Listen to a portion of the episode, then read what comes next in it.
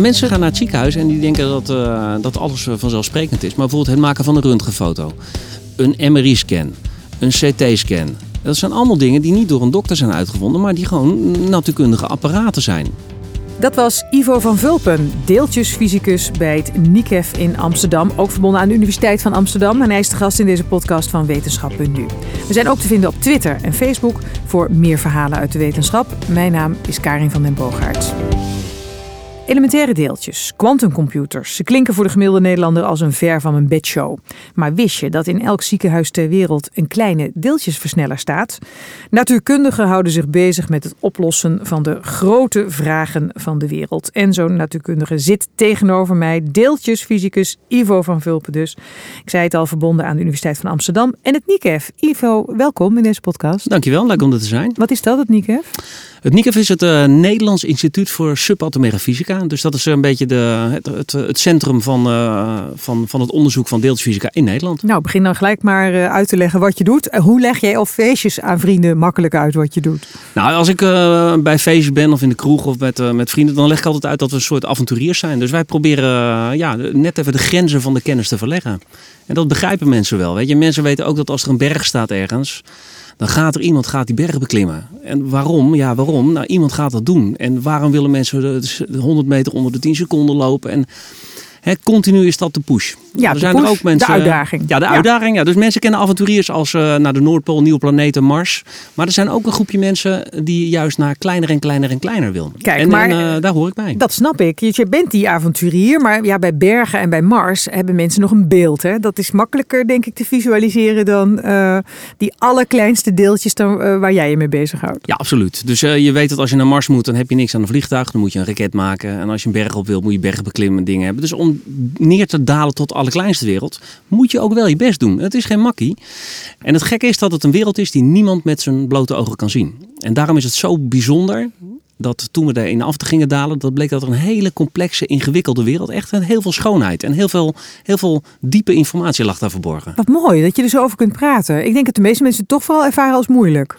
Ja, het gek is omdat mensen het niet, uh, ze kunnen het niet, niet bij. Gewoon niet met hun, uh, met hun ogen, met hun voelen, met hun, met hun oren. Maar dat zegt niks. Ik bedoel, mensen weten ook dat er, dat er geluiden zijn die wij als mens niet kunnen horen. Die honden wel kunnen horen en wij niet. Mensen weten dat er kleuren zijn die wij niet kunnen zien, maar bijen wel bijvoorbeeld. Nou, er is dus een hele wereld om ons heen verborgen die we als mens gewoon niet kunnen waarnemen. Maar die is er wel. Nou, en dat bijzondere, dat, dat het doordringen tot een wereld die er wel is, maar die we niet zomaar als mens kunnen zien, ja, dat is echt heel mooi. Dat is heel mooi en dat is wat jij wil. En ben jij buiten het werk dan ook zo'n avonturier? Nou, ik ben niet zo'n avonturier. Dus ik, uh, nee, ik, ben, ik heb het bij voetbal gehouden en bij, uh, bij de wetenschap. En dat, uh, daar is het wel een beetje van. Nou, dat lijkt me al spannend genoeg. ik zeg tegen onze luisteraars, help ons om hoger te komen in de iTunes ranking. door een recensie achter te laten. En daarnaast vinden we het leuk als er discussie komt naar aanleiding van onze podcast. Laat daarom vooral weten wat je vindt via Facebook of Twitter. Ja, de randen van onze kennis. Jij zoekt de grenzen op, de, die randen. Jij wil, uh, zoals je net uitlegde, als een avonturier dingen uh, onderzoeken, zoals andere mensen de uh, bergen beklimmen, de hoogste bergen van onze wereld. Of dat ze inderdaad misschien wel naar Mars willen. Maar je hebt ook een boek geschreven voor alfa's die de beta-wetenschap willen begrijpen. En dat gaat dan vooral over jouw favoriete onderwerp. En wat is jouw favoriete onderwerp? Mijn favoriete onderwerp is de ontdekking van het Higgs-boson. Het Higgs-boson. Ja. Wat is het? Nou, dat is een mooie vraag. Kijk, toen het Higgs-boson ontdekt werd, ik zal zo vertellen wat het is, kwam dat, eh, was het groot nieuws in de kranten. Wanneer was dus, dat? Dat was in 2012. Uh, en het gekke is gewoon dat op dat moment dat het in de voorpagina's beschrijft, zijn er mensen die geen natuurkundigen zijn, de alfa's van de wereld, die denken van het is belangrijk, want ik zie het in de krant. Maar ik begrijp niet zo goed wat het is. Geen idee waar het over gaat. Geen idee waar het over gaat. Dus een van de redacteuren van een uitgeverij die zei tegen mij: Ivo, uh, ik ben niet dom natuurlijk, maar ik ben gewoon geen beta. Dus ik wil begrijpen wat het is en ik ben het gaan opzoeken. En hij zei, ja, dan kom ik er snel achter dat ik of behandeld word als een klein kind. En ik ben geen klein kind, want ik ben gewoon een alfa. Of ik word juist te hoog benaderd. In de zin van dat mensen heel arrogant gaan vertellen. Iedereen weet toch dat atomen bestaan uit quarks. En nee, Ivo, dat weet ik niet. Dus waarom is er nergens informatie die mij precies tussen die twee werelden meeneemt? Dus wel serieus mij benadert wel echt vertelt hoe het zit, maar me aan het handje meeneemt. Higgs boson voor dummies, maar dan op een eh, respectabele Ja, manier. echt op een, eh, ja, echt op een serieuze manier. En hij zei op de een of andere manier eh, mis ik dat en zou je dat willen proberen. Dus dat, dat ben ik gaan proberen. Er is natuurlijk nooit tijd. En er is, maar het, uiteindelijk heb ik het voor de zomer ingeleverd. En hij zei het is gelukt. De melodie Je van de natuur gaat het heten. De melodie van de natuur. Wat, de redacteur begreep het, ja? De redacteur begreep het, ja. Nou, dat is, dat is precies mijn doelgroep. En dat is gewoon fantastisch. Interessante titel, want als jij dan mij nu aan mij gaat uitleggen wat het Higgs-boson is, en Ja. aan al die mensen die luisteren natuurlijk, Ja. en je hoort de titel De Melodie van de Natuur, dan word ik dus steeds nieuwsgieriger, dat begrijp je. Nee, zeker. Nou, de melodie van de natuur komt er eigenlijk omdat ik ergens in het boek een, eh, probeer te praten over wat formules nou betekenen en wat, hoe dat eh, voorgesteld wordt. Dat is voor veel mensen heel abstract. En voor ons is het een manier, eh, het is gewoon de taal van de natuur. Dus we, we kijken naar de natuur, kijken wat de spelregels daar zijn en schrijven dat dan op, die spelregels. Maar bij natuur denken de meeste mensen aan een boom. Nee, dat klopt, dat klopt. Maar eh, ja, we, de- we hebben van een aantal dingen, eh, gaan we later ook over praten. Bijvoorbeeld de zwaartekracht, ik noem maar wat. Nou, ik noem maar wat. Ik nou, noem maar wat. ik noem wat. Ik noem maar wat. Ik noem maar wat. Als ik eh, ja, een appel pak en die laat, ik vallen, dan valt hij naar de grond. Precies. Waarom? Waarom is dat? Ja, dat heeft toch met de aantrekkingskracht Heeft van- met aantrekkingskracht te maken. Maar de vraag is dan niet, ik weet dat ook, dat natuurlijk weet ik dat het valt. En sterk nog, ik ben natuurkundige, dus ik weet ook hoe die valt. Maar dat vroeg ik niet. Ik vroeg, waarom valt die? Ja, dan moet jij mij niet vragen, want ik ben een alfa. Nee, maar het gek is, ik ben een beta en ik weet het ook niet. Want niemand weet dat. Dus het is een hele belangrijke, diepe vraag van waarom is het nou? En het gekke is aan, aan wetenschappers is dat ze niet kunnen slapen van die vraag. Dus ze kunnen niet het antwoord geven, dat is gewoon zo. Dat is onmogelijk. Het is dan de vraag, het blijft knagen. Wat zit erachter? Dat en is eh, des wetenschappers, hè? dat is des wetenschappers. En dat is, eh, ja, wij doen dat met eh, de spelregels van de natuur. Ja, en waarom ben je nou zo gefascineerd door dit deeltje? Dat Higgs-boson. Nou, dit Higgs-boson heeft een, heeft een hele bijzondere een plek in het heelal. Dus wat ik vertelde van we kijken naar de natuur en we proberen patronen te herkennen en te begrijpen hoe dingen werken. Nou, we begrijpen eigenlijk, eigenlijk alles. Dat klinkt een beetje arrogant, maar op de, wereld van de allerkleinste deeltjes zijn we heel veel gekke dingen meegekomen. Maar we begrijpen alles wel. Sterker nog, we hebben een heel mooi wiskundig model, een theorie, die alles netjes beschrijft. Behalve één ding. En dat is dat deeltjes massa hebben. En dat is, dat is de eigenschap waardoor ze elkaar aantrekken, wat ik net vertelde. Nou, als deeltjes elkaar niet aantrekken, dan klonteren ze nooit samen. Nee. Dus dan zou er nooit een zon zijn geweest, zou er nooit de aarde zijn geweest. Nou, zou door die er samenklontering van deeltjes bestaan dingen. ja, door, door het samenklonteren van deeltjes in het heelal is er zoiets als de zon ontstaan. Dus dat is wel heel belangrijk. En massa komt nog op veel meer plekken terug. Maar dat mag niet in de wiskunde, in, in de theorie. Nou, dat is natuurlijk belachelijk, want dan, het is er gewoon, dus klaar. Maar heeft één iemand, eh, meneer Higgs, dat zal je niet verbazen, die heeft een manier verzonnen om die mooie wiskunde, die, die mooie pure wiskunde, te verbinden met die rare heelal waarin wij leven, waar deeltjes massa hebben. Nou, en hij heeft gezegd, als ik gelijk heb, dan kan ik die wereld verbergen. En dan moet er nog een deeltje zijn. Ga nou alsjeblieft op zoek, want volgens mij is het er. Het is in feite de- het ontbrekende stukje van de puzzel. Ja, hij zei, de lege ruimte is niet leeg. Dus wat jij denkt dat er lege ruimte is, die is niet leeg. Ga maar kijken. Maar ja, ga maar kijken. Hoe bedoel je ga maar kijken? Hoe doe je dat dan? Nou, daar hebben we heel lang over gedaan en het is ons uiteindelijk gelukt. Hoe Dus, dan? nou, door met heel veel mensen op de wereld samen te werken. Want dit is iets wat niet Nederland alleen kan. Amerika kan het niet alleen. China kan het niet. Het kan alleen maar als je met z'n allen samenwerkt. Dus dat heeft die Higgs ook voor elkaar gekregen. Ja, dat is misschien nog wel een groter wonder dan het eh, ontdekken van het Higgs-boson. Is dat, dat duizend natuurkundigen uit- vanuit de hele wereld met elkaar samenwerken. Succesvol. Alles om dit te bewijzen, wat hij heeft beweerd. Ja, alles om dit te bewijzen, maar dit is één van de onderdelen. Dit is een grote vraag die we hebben, maar er zijn nog veel meer vragen. Veel meer dingen die we niet begrijpen en waarvan we willen weten. Hoe zit het nou precies? En Ja. we weten dat als we die machine zouden bouwen om erachter te komen, dat we echt weer een nieuw gebied zouden betreden. Weer een nieuwe laag van de werkelijkheid. En we hebben gezien in de geschiedenis dat elke keer dat we zo'n grote stap maken, dat we weer nieuwe dingen ontdekken. Want is het met het Higgs-boson trouwens eh, klaar dan? Dat Nou, schept inderdaad nieuwe vragen, maar is dat afgerond nu? Nou, het Higgs-boson wat we nu hebben, is, eh, hebben we gevonden. Dus je zou dan kunnen denken, nou, klaar. Die vraag is beantwoord. Hartstikke goed, Nobelprijs. Wat wil je nog meer? Het is afgelopen. Maar met alleen het Higgs-boson zijn er nog te veel vragen over. Dus mensen zijn nu achter, is het nou... Misschien is het Higgs-boson wel een soort... Misschien lijkt het wel superveel op die wat Pieter Higgs zei. Maar misschien is het net even anders, want... Met het Higgs-boson zijn er nog zoveel open vragen. Dus dit kan niet het eindantwoord zijn.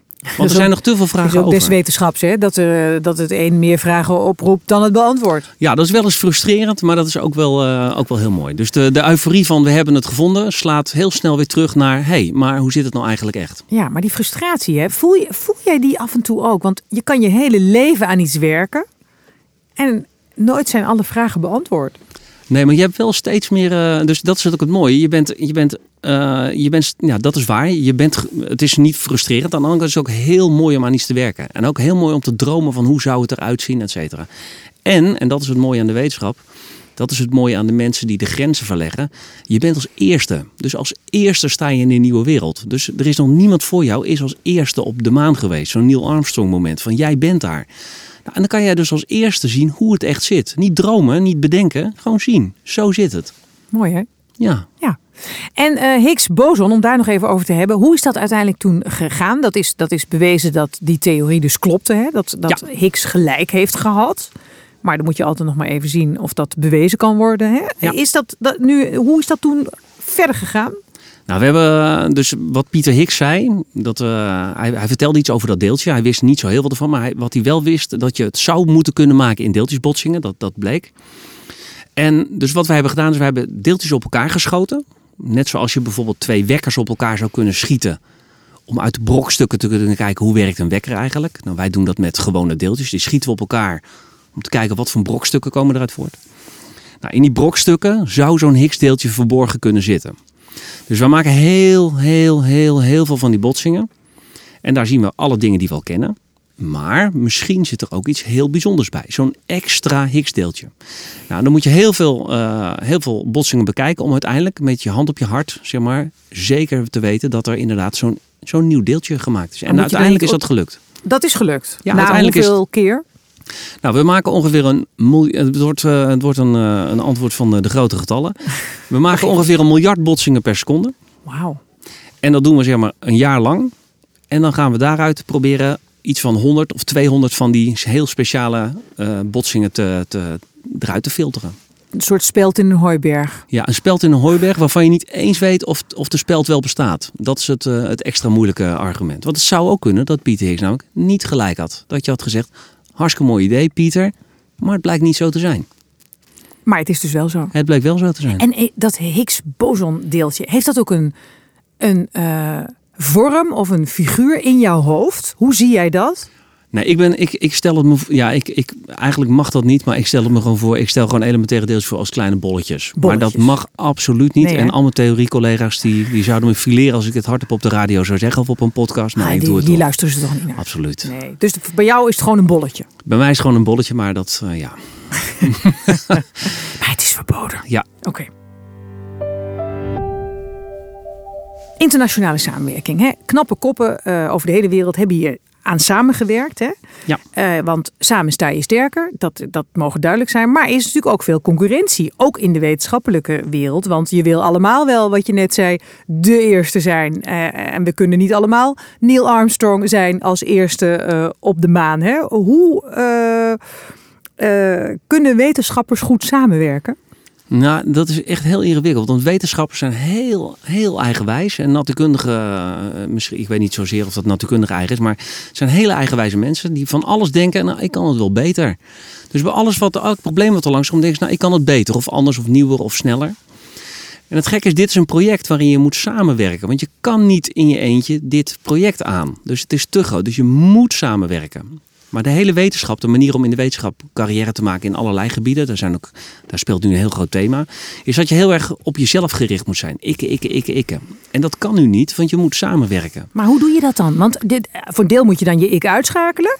En voor het andere deel moet je ambitieus genoeg zijn om jezelf naar voren te duwen. Ja, dus het is een, eh, het is een samenwerkingsverband van allerlei groepen eh, over de hele wereld. Die samenwerken in Genève. En die moeten dan afspraken maken. Van, die gaan met z'n allen beslissen, nou, we hebben dit probleem. Bedenk maar een oplossing. En dan komen er twintig oplossingen. En toch wordt dan de beste gekozen. En wetenschappers kunnen zich wel neerleggen dan... oké, jij had inderdaad een beter idee. Ik heb wel meer geld, ik ben belangrijker, ik denk dat ik er goed ben. Maar die jonge jongen uit, eh, uit, eh, uit Japan... die had eigenlijk het beste idee. Dus dat gaan we dan doen. Dus, dus het, het focus op, op de slimme ideeën en de echt goede ideeën... die meritocratie, dus echt, echt het benoemen van, van slimme ideeën. Ja, daar is ruimte voor in Genève. En dat is heel mooi. Dat werkt, dat blijkt echt te werken. Ja. En waarom? Omdat we allemaal diezelfde droom hebben. Dat is de enige manier waarom het kan. We hebben allemaal die droom om dat Higgs-boson te vinden. En we weten dat er heel veel obstakels zijn. Dus elk slim idee is welkom. En die hebben we nodig, want dan kunnen we het vinden. En daarom kunnen mensen over hun ego heen stappen. Ja. Eh, en, en dus samenwerken in Genève, want daar is de deeltjesversneller hè, bij CERN in Genève. Ja. Is dat dan ook nog een strijd? Wat wordt de plek? Nou, de plek is natuurlijk. eh, het is een. Het is een eh, zeg maar, CERN bestaat al langer. Die bestaat al sinds de jaren 50. Dat is een, dat is een plek waarin, zeg maar, los van allerlei politiek. wetenschappers samen kunnen werken. Dus dat is ook iets een plek waar een beetje nationaliteiten wegvallen. Ja, dus dat, daar zijn Indiërs met Pakistanen aan het werk, eh, Chinezen met eh, Amerikanen. Dus ook En- daar werkt de Zwitserse neutraliteit in Genève nou, op deze manier. ja, nou ja, wetenschappers zijn een beetje wars van politiek. Dus het is heel mooi dat dat, dat dat een zelfstandig instituut is waar mensen echt over de natuurkunde kunnen nadenken. En dan weer teruggaan naar hun eigen land. En Maar dan zijn ze toch even niet alleen de wetenschap, maar je bent ook met verschillende culturen in aanraking gekomen. Dus voor mij was dat puur het werken in zo'n omgeving is echt een eye-opener voor me geweest. En heeft me echt, eh, heeft me echt veranderd. En was Genève ook praktisch de beste plek voor de deeltjesversneller? Eh, nou, je, je wil een plek die makkelijk te bereizen is, die, eh, die een goede faciliteit heeft. Dus op dit moment, daar lag al een faciliteit. CERN bestond al. Er was al een, een ring in de grond, dus een tunnel in de grond. Want zo, i- dat is de manier waarop het gebeurt. Hè? Want jij vertelde net over botsingen, de- Ja. deeltjes op elkaar laten botsen. Ja. Maar dat moet, daar moet een hele enorme infrastructuur voor gebouwd worden. Een soort, moet ik me dat voorstellen als een soort racebaan? Een, eh, Ja, het is een soort racebaan. Het is een tunnel die ligt ongeveer 100 meter onder de grond. Want dat is het eh, stabiel in temperatuur. Je kan er makkelijk bij, veilig, et cetera. En daar ligt een, een buis. En in die buis eh, zweven deeltjes rond. En die geven steeds een zetje. En dan laten we ze een eh, rondje vliegen. En dan geven ze weer een zetje. En weer een zetje en weer een zetje. Tot ze op hun allerhoogste energie zijn. En dan blijkt dat we twee wolkjes hebben. Eén wolkje draait linksom. Ander wolkje draait met de klok mee. En die, die schieten we dan, die laten we dan door het oog van een naald gaan. Mhm. Dus de ene linksom, de andere rechtsom. En dan botsen ze dus op elkaar. En rond die, die plek waar ze dus botsen, daar hebben we hele grote fototoestellen gemaakt. Om te kijken welke deeltjes komen eruit. En komt er nou zo'n Higgs-deeltje uit? Begrijpen we alles wat er gebeurt? Dat is weer een wetenschap op zich, om zo'n fototoestel eh, te bouwen, om dat te fotograferen. Je hebt Nou. ook al die infrastructuur nodig eromheen. Ja, absoluut. En zeg maar, de, de fototoestellen die we nodig hebben. Als je gaat bekijken wat voor fototoestel hebben we nou eigenlijk nodig. Nou, dat is, blijkt zo'n apparaat te zijn wat gewoon absolute science fiction is. Dat bestaat niet. Dat kan helemaal niet als je met mensen in de indust- industrie praat. Dat kan niet. Waar heb je het over? Hoe, hoe ga je dat voor elkaar krijgen? Nou, Nou, het gekke is dat je, ja, als je het echt wil en je kan samenwerken met de allerslimste mensen op de wereld, dan kan het gewoon. dus dan moet je het eigenlijk zelf bouwen. Dan Ja. moet je die allerslimste mensen instructies geven. Ja. Dit willen we. Ja. En dat moet dan ook gewoon gemaakt worden. ja, nog. maar het is helemaal niet zeker als je begint of het wel kan. Want iedereen zegt het kan niet. Waarom zou je dat ooit doen? Dus het is echt een, een heel ingewikkeld proces met verschillende paden waarvan de een hopelijk gaat werken. Nou, als je dan ziet dat er zo'n apparaat gebouwd wordt. En dat het nu nog steeds tot de verbeelding spreekt, terwijl het eigenlijk twintig jaar geleden ontworpen is. Ja, dat is echt fantastisch. Je zit er ook helemaal bij te glimmen. Ja, nee, dat is echt heel mooi. Echt, eh, echt, eh, En het is heel jammer dat mensen je niet kunnen zien, want je praat ook met je handen. Hè? Als Ja. je het geschuif over de tafel hoort. Misschien te zijn veel de met handen, Italianen samengewerkt. dat zijn de handen eh, van Ivo. Ja, die zijn nu heel expressief natuurlijk. Hè? Maar dat is dus. Is dat ook waarom sommige processen zo lange tijd vergen? Want je hebt een idee, dan moet je dat gaan uitvoeren. Dan kom je erachter dat in dit geval eh, zo'n fotocamera, zeg maar even simpel, nog niet bestaat. Dan moet je die eerst gaan ontwikkelen. Dus dat, dat, die processen nemen natuurlijk heel lange tijd in beslag. Ja, absoluut. Maar je moet ook, kijk, het is dus zo vaak als je echt iets nieuws wil doen, dan kan je voortbouwen op wat er al is. Maar uiteindelijk is de wetenschap ook gebaat bij mensen die de vrijheid krijgen om echt, echt iets nieuws te doen. Ja, dus het wordt vaak het voorbeeld gebruikt van bijvoorbeeld, eh, ik noem maar wat, eh, de postkoets. Dan kan je heel mooi nieuwe, rondere wielen en nog gladdere en nog eh, soepelere kogellagers. Uiteindelijk moet er iemand gewoon een auto gaan uitvinden. Maar dat gaat nooit gebeuren als je, als je al je, je geld steekt in de postkoets. Dus, maar mensen die dat doen en die falen, ja, dat is te, voor de industrie is dat te onveilig om dat te doen en te gevaarlijk. Nou, in de wetenschap is er ruimte voor mensen om dat soort dingen te gaan proberen. Ik hoor hier ook impliciet een pleidooi om die mensen dat vooral te laten blijven doen. Nou, die ruimte dat dat een beetje ingeperkt wordt, is wel eh, gevaarlijk. Het is soms heel moeilijk om van tevoren te voorspellen van dit gaat iets opleveren of dat niet. Anders was het geen, eh, geen, geen spanning meer, zeg maar. Maar mensen de ruimte geven om echt, echt een vernieuwende stap te maken. Ja, we gaan zo meteen zien dat in, overal in de, in de maatschappij komt het terug. En dat zijn dingen die we nu heel logisch vinden. Maar die gewoon een wonder zijn van, van de natuurkunde. Maar dat is natuurlijk ook doodeng en ook uh, spannend om uh, te zeggen van ik wil iets uh, nieuws gaan zoeken. waar heel veel mensen geen enkel idee bij hebben. En mensen hebben dat idee nodig omdat ze zich anders niet kunnen voorstellen uh, dat kunnen ze niet aan iets relateren, zal ik maar zeggen. Dus het, iets, iets kan zo nieuw zijn dat je het nog niet kan bedenken. Als jij de postkoets gewend bent, kan je niet voorstellen dat er ooit een auto zou zijn. Nee, dat klopt. Maar het is gewoon hetzelfde als, kijk, als jij zeg maar Amerika wil gaan ontdekken. Dat is misschien een beetje een verkeerde term om te gebruiken. Maar zeg maar, is de wereld groter dan West-Europa? En je staat in Portugal aan de kade en je denkt, nou, dus wat zou er aan de overkant van de oceaan liggen? Dan kan je ook denken, waarom zou je dat doen? We hebben het goed hier en we zijn lekker bezig en we nemen nog een visje en prima. En toch zijn er mensen die dan gaan kijken en die dromen van een nieuwe wereld. Wat zou daar zijn? Is daar misschien goud? Is daar misschien. En wij dringen ook in een nieuwe wereld toe. Wat is daar verborgen? En het gekke is dat elke keer dat we in die wereld doordringen, hebben we dingen ontdekt. En heel veel van die inzichten, die pure fundamentele natuurkundekennis, vindt zijn weg terug in de maatschappij. Dus we gebruiken allemaal GPS op onze telefoon. En we vinden dat de gewoonste zaak van de wereld. Maar daar zit hele diepe, ingewikkelde relativiteitstheorie in. Dat beseffen mensen niet. Maar dat ben ik om, om het er af en toe toch even aan te herinneren, mijn vrienden in de kroeg. Van hey, weet je wel dat je eigenlijk relativiteitstheorie gebruikt? En dat moet je heel, eh, zeker doen, want uh, jij krijgt ongetwijfeld ook wel eens de vraag, uh, als je dat allemaal heel simpel aan het uitleggen bent waar je mee bezig bent, krijg je waarschijnlijk ook wel eens de vraag, waar heb je dat allemaal voor nodig? En dan verwijs jij bijvoorbeeld naar de GPS. Om maar eens wat te noemen. Maar er zijn nog wel honderd voorbeelden. Ik praat met uh, Ivo van Vulpen, uh, deeltjes uh, fysicus, verbonden aan de Universiteit van Amsterdam en het NICEF. Jij zei net iets, heb ik echt al onthouden, maar ja. ik wil je er nu naar vragen. Jij zei, het heeft mij ook veranderd. Ja. Die samenwerking in Genève. Ja. In welk opzicht? Nou, in de zin dat in één keer is mijn. Toen ik daar voor het eerst aan toe ging naar Genève. Toen, toen ja, ik, ik kom niet uit een familie die heel veel reist over de hele wereld en daar woont. Dus voor mij was, voor mijn familie was meer van in het buitenland kan je vakantie. Maar dan ga je echt werken. Dus ik, uh, ik heb natuurkunde gestudeerd. Vond ik best leuk. Maar eigenlijk een jaar, laatste jaar is pas eindelijk de, de klik gevallen van dit is echt een onderwerp waar voor mij alles bij elkaar komt. Toen, ging het ook, uh, toen ben ik er hard voor gaan werken. En toen, toen kon ik naar Genève als een soort stage als student, drie maanden. Hmm. En toen kwam ik terecht in een plek, drie maanden lang, met studenten uit Frankrijk, Finland, Griekenland, nou, en dat was zo'n openbaring dat er dus ook in elk van die landen zit natuurlijk zo'n groepje mafketels die dit vakgebied heel leuk vindt. Maar die en veel plezier maakt en heel hard studeert en het randje van de kennis. Dus het is echt, ja, toen viel alles uh, voor mij op zijn plek. En toen, toen ik daar later, ik heb er een paar jaar gewoond ook. Nou, dan leef je in zo'n mengelmoes van, van, van uh, culturen en uh, ja, dat is fascinerend. Dus je, in één keer opent de wereld zich. En dat, is, dat heeft me echt mijn, mijn blik op de wereld veranderd. Ja, want hoe kijk je nu naar de wereld dan? Nou, als veel kleiner. Ik ken voor elk land wat er op de radio voorbij komt, ken ik gewoon mensen. Als er, als er iets in Japan speelt, denk ik, oh, dat is Osamu. En als ik iets in China hoor, dan denk ik, hé, hey, dat is die. Of in Amerika, hé, hey, dat is die. Kijk, dus jouw uh, blik uh, op andere dingen is waarschijnlijk ook gewoon heel anders geworden. Ja. Ja. ja. Wat mooi om te zien dat de wetenschap jou dat gebracht heeft. Ja, dat is, dat, is, dat is niet in elke tak van de wetenschap misschien zo. Maar toevallig in ons wereldje, omdat we samen moeten werken, kom je met heel veel verschillende culturen in aanraking. En dat is, uh, ja, is fascinerend. Ja. Je vertelde net dat je als uh, voorbeeld vaak geeft de GPS-technologie. Als mensen zeggen, waar heeft het nou voor nodig? Hè? Al dat uh, gezoek naar dingen die er nog niet bewezen zijn, laat ik het dan zo zeggen. Ja. Maar je hebt natuurlijk ook heel veel andere voorbeelden. Hè? Want als we het hebben over de Ver van mijn bedshow. Uh, als je denkt, dit voelt ver weg. Het kan ook nog uh, veel dichterbij. In ziekenhuizen bijvoorbeeld. Ja. Hoe werkt dat daardoor?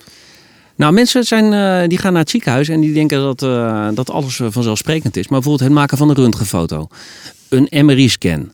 Een CT-scan. Dat zijn allemaal dingen die niet door een dokter zijn uitgevonden. Maar die gewoon natuurkundige apparaten zijn.